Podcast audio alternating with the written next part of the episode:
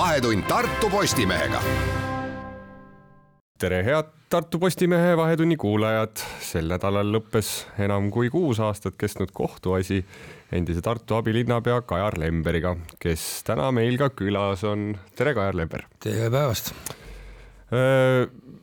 kuus aastat kestnud protsess. võib-olla praegu kohe on nüüd äh, raske kokku võtta, aga millised tunded sind valdavad peale seda kohtuotsuse väljakuulutamist? noh, et kui Agu, Agu Sihvka kombel alustada, siis tegelikult on see kohtuprotsess kestnud kaheksa ja pool aastat. sest see algatati märtsis kaks tuhat neliteist, et avalik menetlus on käinud maist kaks tuhat kuusteist. Mhm. et minu enda jaoks on ta jah kestnud kuus pool aastat ja ja tuleb ka täpsustada, et ta ei ole veel läbi. -hmm, selles mm -hmm. mõttes, et on ju prokuratuuril võimalik edasi kaevata ja, ja eks me, eks elu näitab, mis nad siis teevad või ei tee.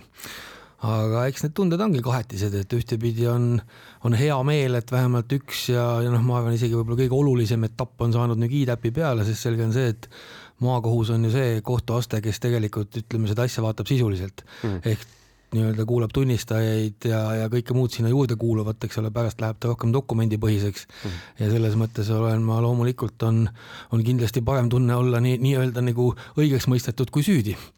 ja, ja teistpidi muidugi, kui vaadata seda protsessi, et ma olen seda ju korduvalt öelnud ja ei väsi kordamast, et, et isegi kui see nii-öelda selline lõpptulemus oleks näit-, näiteks juriidilises võtmes olnud kuidagi teistsugune, siis tegelikult on menetluslikus mõttes tegemist absurdiga mm. -hmm.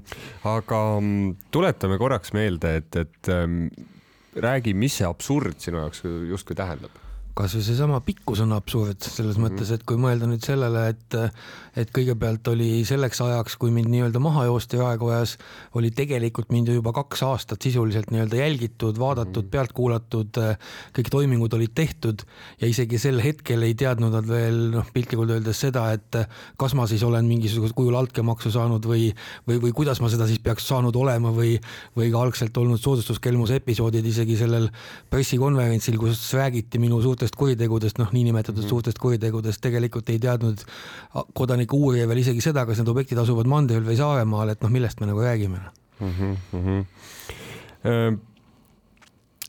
üks põhiküsimus, äh, mis mul kui ajakirjanikul on tekkinud, et teil äh, oli selle pika protsessi jaoks, teil kui ettevõtjal oli selle pika protsessi jaoks noh, olemas ikkagi vahendid, et ennast kaitsta, te ise olete vist kuskil öelnud, et kogu see kaitsmine võis kokku maksma minna üle saja tuhande euro, vastab tõele?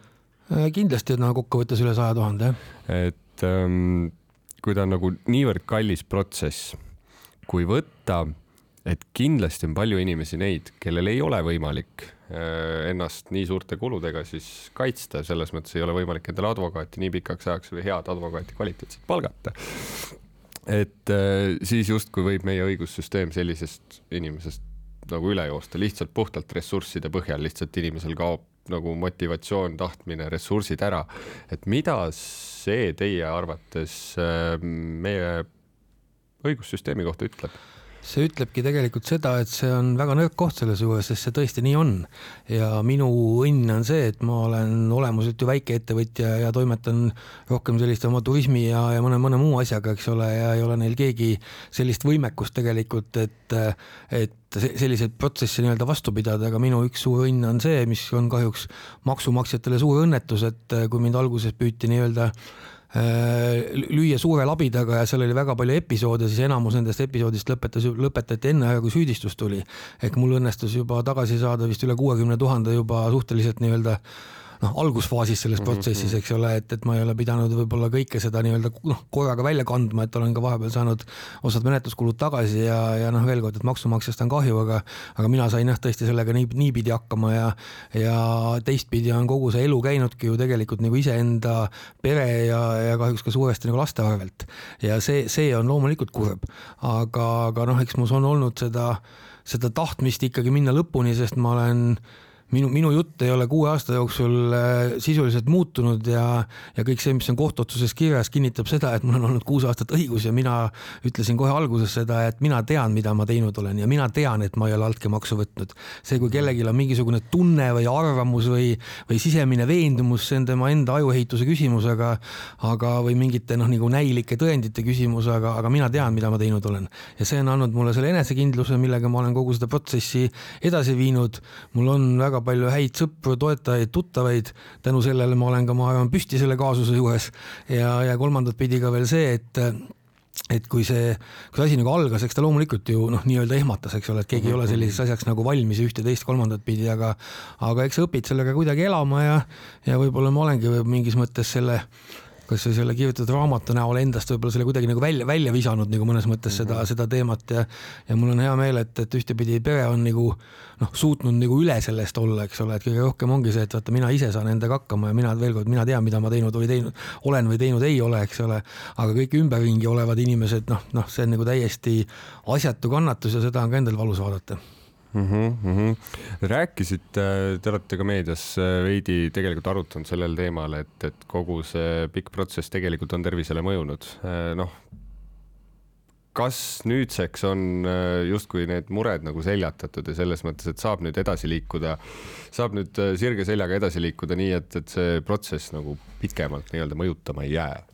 Noh, eks ta kuskilt otsast ju ikka mõjutab ja kuus aastat on ikkagi inimese elust väga pikk aeg mm. -hmm. ja, ja kurb on see, et ta näiteks minu, ma ei tea, noorema lapse elust on pool sisuliselt, mida ta pidanud käima koolis ja lasteaias nii-öelda kurjategija lapsena. Tartu on väike linn ja lapsed on väga julmad ja, ja see noh, keegi arvab, et see on nagu sihuke lihtsalt niisama, et ma siin ajan mingit haledat juttu, ei aja, et ma lihtsalt ütlen, et see on, te ei kujuta ette tegelikult, mida see tähendab. aga, aga veel kord, et noh, mis, mis tehtud, see tehtud ja eks ma loodan lihtsalt seda, et inimesed tegid oma tööd ja, ja, ja noh, eks nad nägid võib-olla mingeid asju teisiti, kui nad päriselt olid ja ja minul on oma arvamus, neil oma arvamus, eks ta, eks ta läheb nii edasi. ettevõtjana sa kahjuks oled äh, esimesest PES-i konverentsist saadik oled sa tegelikult nii-öelda pankade jaoks punases nimekirjas, sa oled tegelikult potentsiaalne mainekahju, potentsiaalne risk, eks ole. sisuliselt on mõne ettevõttega, mis äh, mis võib-olla sõltub rohkem sellisest nagu, nagu avalikust kuvandist ka tegelikult, kui sa mm. nagu, nagu müüd mingeid teenuseid või, või veel heaoluteenuseid, siis nendele kindlasti ta pani päris korraliku põntsu nii-öelda, et see võttis ikka aastaid aega, enne kui nagu hakati nagu aru saama, et tegelikult noh, on mingid asjad võib-olla teisiti, kui, kui välja kumavad, aga, aga noh, ma tahaks tagantjärgi uskuda, et tänaseks päevaks on võib-olla ka ka prokuratuur natukene õppinud, et nii-öelda päris ehku pealt ei minda enam suuri pressikonverentse korraldama ja natuke võetakse ikkagi aega ja mõeldakse enne, mida tehakse. seda ma tahtsin ka tegelikult äh, täpselt uurida, et äh, kas te arvate, et teie äh, see kohtuasi võib kujuneda justkui väga suureks õppetunniks, mis võib meie õigussüsteemi teatud tüüpi mingisuguse muudatuse tuua? no ma natuke loodan selles mõttes, kuigi noh, veel kord, et kurb on see, et tõepoolest, et noh, no mõtleme, et minu selline nagu see noh, kõlab nagu nõmedalt, aga, aga sihuke võitlus on ju olnud tegelikult ju mõnes mõttes nagu proku-, prokuratuuriga selles mõttes, noh, kes on ikkagi selliste asjade algataja ja ja ma ühelt poolt tahan uskuda, et ka seal majas tehakse ju hingega tööd ja see, mida nad teevad, on väga-väga oluline. ja aga pigem on nagu see, et, et ma ütleks, et mida, mida rohkem on sul sellist võimu, mida sa asutuses on tegelikult ikka väga palju inimeste saatuseid ja inimesi mõjutama, seda enam peaksid sa olema nagu ettevaatlik ja, ja tõepoolest läbi analüüsima, et miks ja, ja kuidas mingi mingeid asju tehakse. ja võib-olla peab olema seal ka nii-öelda see nelja silma kontroll, et kõik asjad ei saa käia, noh, väga paljud asjad ei saa käia nii-öelda kahe silma alt läbi, sest kui tõesti kellelgi on tekkinud see siseveendumus, siis sisuliselt on võimalik kokku panna noh, nii-öelda piltlikult öeldes üheksa eurosest juuksurist poolteist miljonit maksma läinud protsess, mis kestab mm nii-öelda nagu kaheksa aastat, eks ole, et noh, see ei ole ju tegelikult nagu noh, igaüks, kes selle täna tagasi vaatab, saab aru, et see on eba, ebareaalne noh. Mhm. ja, ja me võime rääkida tagantjärgi, et seal oli alguses mingid soodustuskelmuse asju ja seal olid mingid paljud kahtlustused ja kahtlustusi peabki uurima ja kõik kõik on nagu õige, eks ole, aga, aga ühel hetkel jõuti tõdemusele, et kahtlustused ei pidanud vett jõudi tõdemusele, et ainukene asi, mis sellest korruptsioonikaasusest üles jääb, ongi see õnnetu juukselõikus tegelikult mm, -hmm. pluss siis üks raadiga seotud toimingupiirang, eks ole. see oleks tegelikult olnud hetk, kus oleks võinud selle ära lõpetada. aga vot mm -hmm. seda, seda kohta ei ole ja see on, ma arvan, üks justiitssüsteemi mure ja ma väga loodan, et sellega täna tegeletakse. ma väga loodan, et me hakkame ikkagi uuesti tegelema ka menetlustähtaegadega, sest see, et me võime menetleda täpselt nii kaua, kui inimene lõpuks nagu käega lööb või ära sureb, see ei ole normaalne mm. -hmm. et tegelikult äh küsimus on, et äh, selle protsessi jooksul, kas prokuratuur midagi hästi ka tegi või mida tegi? ei noh, selles mõttes tuleb äh, neid tunnustada, et ega veel kord, et kui sa, kui sa nagu usud seda, mida sa tahad uskuda, siis ega nad ju oma tööd tegid, kaust oli kakskümmend tuhat lehekülge algusest peale, eks ole, et noh, minu küsimus loomulikult on, miks nad seda tegid, ma hästi ei saa aru. aga, aga, aga küsimus ongi selles, et, et kindlasti nad ju oma, oma asju tegid korrektselt, ka kohus tunnustas prokuratuuri tööd selles mõttes, et noh, mis, mis nad siis olid välja toonud, et need, need asjad olid noh, nii-öelda nagu, nagu, nagu noh, normaalselt välja toodud. noh, kindlasti seal on ma, ma saan inimesena ju aru kust selle kahtlustuse alge pärit on, eks ole. aga peale seda oleks võinud, võib-olla on mingi etapp ikkagi olemas, kus näiteks minusugune, ma ei tea, kutsuge välja, küsige mu käest. ma olen ka seda öelnud, et näiteks kogu selle kuue aasta jooksul ei ole ju prokurör minuga mitte ühtegi korda kohtunud mitte ühtegi korda ei ole minu käest küsinud mitte keegi mitte üht küsimust mm. -hmm. kui üks väga tõsiselt ülbitsev äh, uurija esimesel kokkusaamisel hakkas paugutama ja teatas mulle mustvalgelt, et kuule, et noh, a la, et kuule, Kaja, et mis sa siin nagu tõmbled, et selle vudile ma võtan sul nagunii käest ära, ma võtan sul nagunii käest ära peale Need seda. Need olid päris nagu sõnad. Päris sõnad jah. päris, päris, päris sõnad. Ja kui ma peale seda ütlesin, et ma ei anna mingeid ütlusi, eks ole, siis seal tegelikult jutt lõppes. Ja meil on täna kolmas prokurör selles kaasuses ainus kord, kui ma olen noh, nii-öelda vestelnud jutumärkides, on tegelikult olnud kohtus ristküsitlus. noh, ma, ma tõesti ei pea seda inimesena normaalseks, ma arvan, et seal võiks vahepeal olla mingi etapp, kus tegelikult on võimalik ikkagi natukene siis nii-öelda nagu kombata, et kuule, vaadata otsa nagu, et kas ma noh, no nii-öelda silmavaade ongi selline või, või mhm. kus selline, aga see kujundatakse tegelikult paberil, see kujundatakse hästi palju tegelikult nende samade esimeste uurijate noh, nii-öelda nagu sellise meeleolude pealt tegelikkuses, eks ole, kes, kui see uurija on kuskil Hiia tänava keldris võtnud seisukoha, et, et noh, see vend on pätt, siis sealt hakkab see protsess niimoodi käima, et isegi Tallinnas suured ülemused teavad, et Tartus on üks pätt, kuigi nad ise ei ole selle tõenäoliselt selle kaasuse detaile näinud mitte ühtegi. ja siis äh, noh, lõpuks, kui selgub, et võib-olla ei olegi seda kuritegu, siis tekib see moment, et nii palju ressursse, nii palju aega on juba kulutatud, siis on selle rongi pealt lihtsalt raske maha hüpata noh, keegi ju ei taha oma viga tunnistada, eks ole, ja, ja kindlasti on see, et, et noh kuidas ma seda jälle ütlen, et, et ma, ma veel kord ütlen, ma, ma saan menetluslikult aru, mida tehakse ja küsimus ongi nagu täna selles, et mis siis nüüd nagu, kui vaadata seda minu kaasust tagantjärele, et kui algselt räägiti sellest, et noh, vahet ei ole, kui suur on kuritegu, kui on korruptsiooniasi, see tuleb ikka välja juurida, mis noh, ideeliselt täiesti õige, eks ole. aga ma arvan, kui keegi oleks nagu unes ette kujutanud, et see maht läheb nagu, nagu, nagu pikkuse ja kõige muu mõttes nagu selliseks ja, ja, ja oleks ette näinud, et seal lõpus ongi need kaks episoodi, mida tegelikult mina vist, ma arvan, rääkisin kaks tuhat kaheksateist juba, et me sinna jõuame ja, ja siis mul mind aeti nii-öelda välja, et noh, et mis sa ajad lolli juttu, eks ole, et siin on ju nii suured asjad, see ja teine ja kolmas, eks ole, ja täna ma soovin neile palju õnne. aga kuskil peaks olema nagu see kriitiline piir, kes ütleb, kuule ei, siin on menetlusökonoomika, siin on mõni, noh, mõni muu argument, eks ole, et kuskil on see kokkuleppe koht, aga seda tegelikult ju ei ole. sest inimese jaoks on ainuke võimalus mõnes mõttes on lõpetada oportuniteediga, mulle pakuti ka eelmisel aastal põhimõtteliselt mm. oportuniteeti, eks ole, ma keeldusin sellest korruptsiooni kontekstis, ütlesin, et noh, sorry, et kui ma igal hommikul peale seda hakkan hommikul peeglisse vaatama, kui ma hambaid pesen ja süda läheb pahaks, et mul ei ole seda elu vaja, et noh, ennem jään kohtus süüdi, aga vaidleme siis lõpuni noh mm -hmm.. sest noh, ma möönan, ega noh, seadused ja juriidika ongi noh, tihti mitmeti tõlgendatavad, eks ole. aga kurb on see, et kui meil siin ühes teises kaasuses küll võib-olla on isegi parem näide, kus kohus mõistis otsuse, inimene jäi küll nagu süüdi, aga see otsus oli selline noh, natuke nagu ebalev ja seal oli trahvidega teatud küsimusi, siis selle peale prokurör mitte ei ütle, et kohtuotsus on kohtuotsus, vaid ta teatab, et, et sellise kohtuotsuse peale meile tundub, et peaks seadust muutma ma mhm. küsin nagu õigusriigi inimesena, kuulge, et kas te nagu päriselt saate ka aru, mida ta küsis või? Prokuratuur ütleb peale kohtuotsust, et nüüd on vaja seadust muuta, sest kohtuotsus ei olnud neile nii-öelda sobiv. Mhm. ma ütleks, tule taevas appi. ja vot see on üks asi, mis võib-olla, ma väga loodan, et minu kaasus on üks see, mis paneb ka, ma ei tea, poliitikuid, Riigikogu liikmeid selle peale mõtlema, et seal kuskil õiguskomisjonis või minu pärast ka korruptsioonivastase võitluse komisjonis nagu, nagu küsimusi küsida, siis võiks nagu natuke põhjalikumate vastuseid sealt tahta mm. -hmm. rääkisite enne ka lühidalt, et, et äh, selgelt see kohtuasi on teie ärisid ka mõjutanud selles mõttes, et äh, aga tahaks küsida, kuidas praegu ettevõtlusel läheb, kuidas äh, tulevikuplaanid, kuidas hetkel? mingis mõttes keeruliselt, sest eks ma ka kuus aastat tagasi ma äh, reaalselt müüsin mingeid osalusi, ma müüsin äh, mõne ettevõtte, sellepärast et tegelikult seda protsessiga nii-öelda edasi minna. Ja teine pool oli see, et ma selgelt nii-öelda mõjusin ka mõnele, mõnes ettevõttes nii-öelda äripartnerina ka kahtlaselt või, või halvasti, eks ole, kellel oli vaja näiteks siin laenuasutustega suhelda ja nii edasi, et nii et ega see maailm on olnudki keeruline on tulnud paljudest asjadest loobuda, aga noh, ma veel kord, ma ei ole niisugune nurisõja tüüp, nagu ma arvan, et loodan, loodan, et on ka kõrvalt näha, et et eks tuleb hakkama saada. ja, ja nagu ütles mulle üks hea, hea tuttav enne koroonakriisi, et et Kaja, et sul ei ole vähemalt põhjust koroona pärast muretseda, et sa oled juba tükk aega kriisis elanud.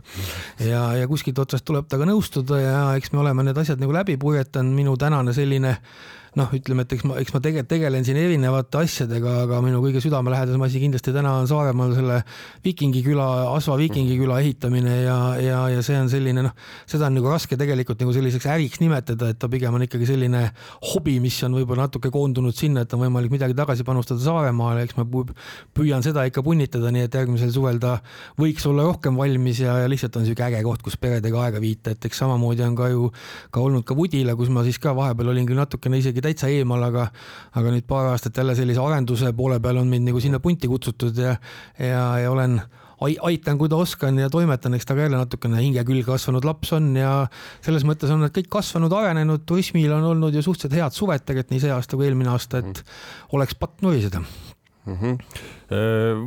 vahepeal küsin, olete te selles mõttes ka valmis mõelnud enda jaoks, et olete valmis ka kohtuprotsessiga edasi minema, kui prokuratuur peaks nüüd otsustama, et kaevab järgmise astme kohtusse?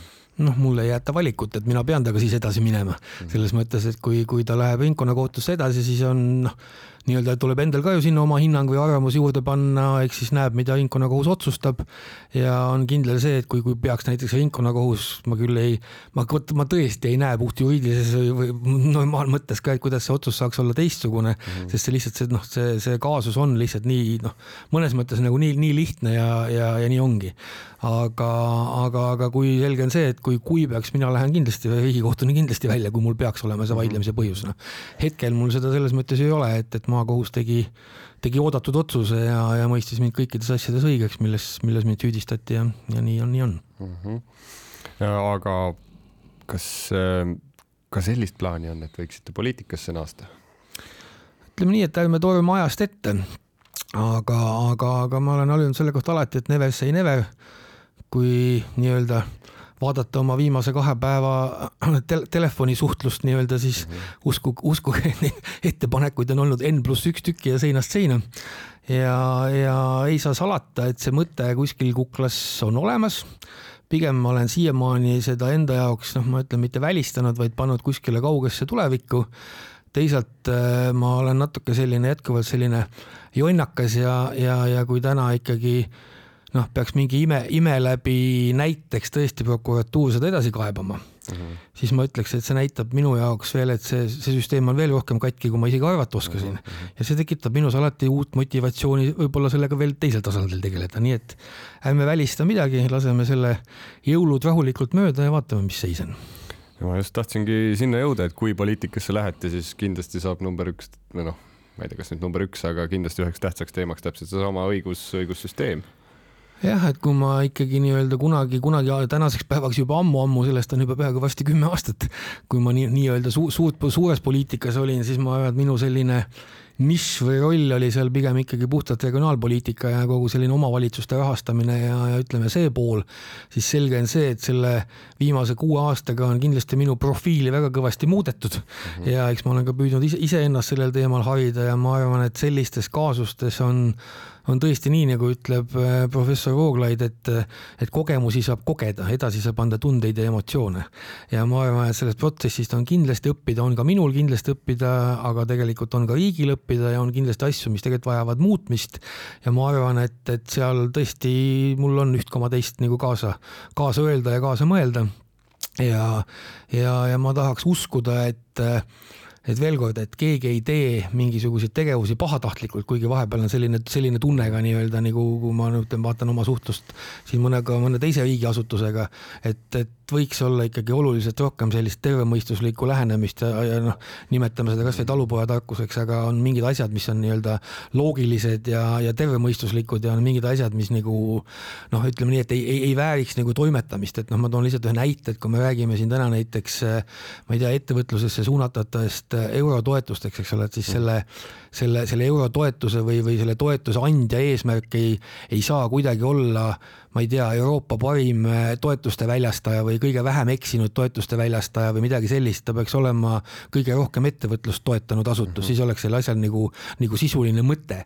ja, ja aga mulle tundub, et me mõnes asjas oleme astunud ikka vastupidi, et me oleme suuremad bürokraadid, kui näitame näpuga Euroopasse, aga tegelikult paneme ise komakohti juurde.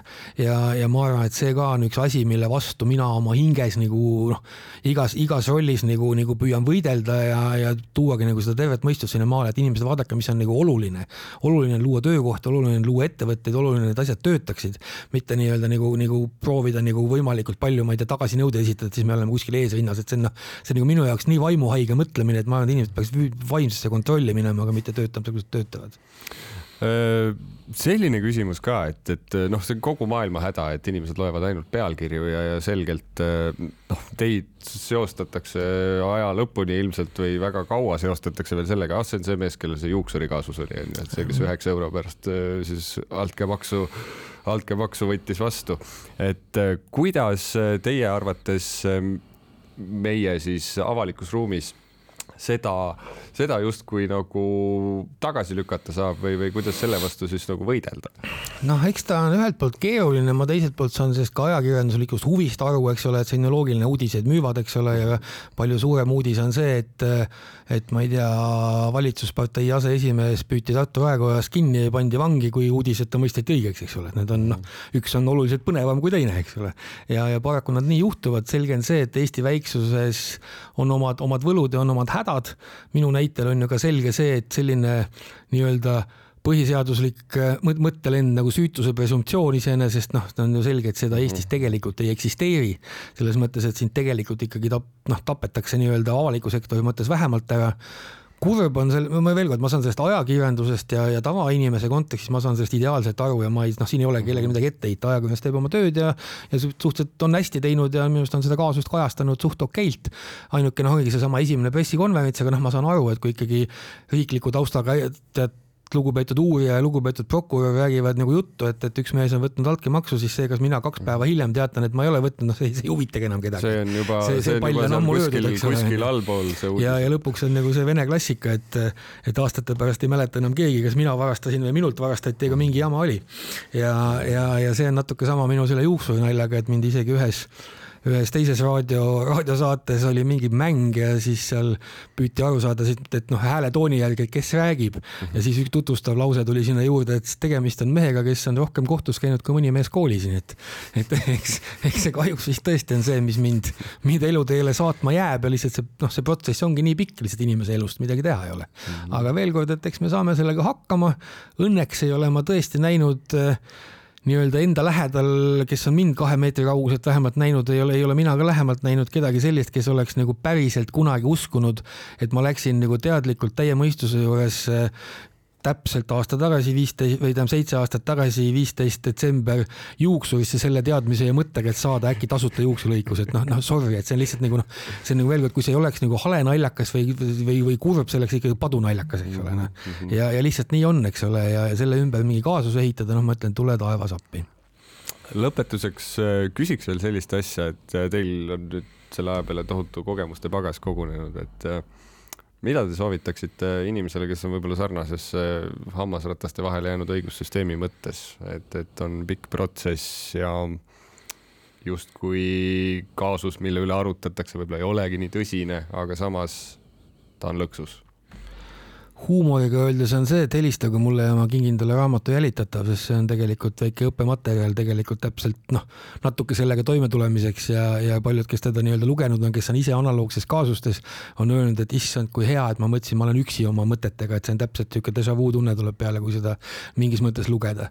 aga, aga mina ütlen kõigepealt, et tuleb jääda rahulikuks selles mõttes iseenda jaoks võtta korraks aega, mõelda need asjad läbi tagantjärgi ka enda jaoks, et kas ja kus on siis tehtud midagi valesti.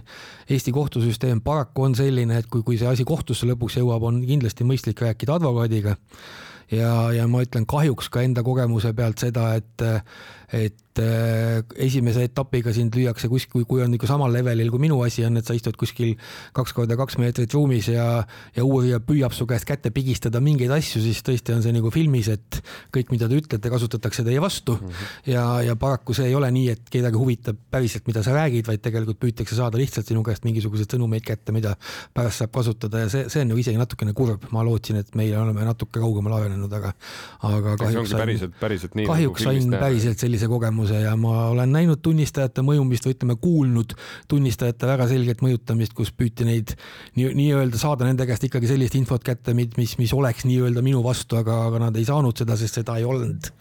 -hmm. ja sama asi on see, et kui, kui sul noh, kasvõi minu näitel, kui pressikonverentsile tuleb prokurör, kes teatab, et tal on tõendid, mis viitavad sellele, et Lemberg on võtnud korduvalt altkäemaksu, siis pärast tuli välja, et neid tõendeid ei olnud sest seda lihtsalt ei olnud. aga uut pressikonverentsi ei korralda keegi? no tahaks, et kui ma selle oma veel ära näen, siis ma teen küll ühe sampuse veel lahti aga sellega ongi hea kokku võtta, et täname, täname Kajar Lember, et tulite stuudiosse, jagasite enda kogemust ja Tartu Postimees, Tartu Postimehe Vahetundi saate kuulata juba järgmisel nädalal samal ajal. mina olin saatejuht Veiki Ojaperv.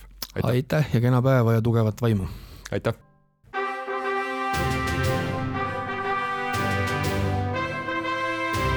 Vahetund Tartu Postimehega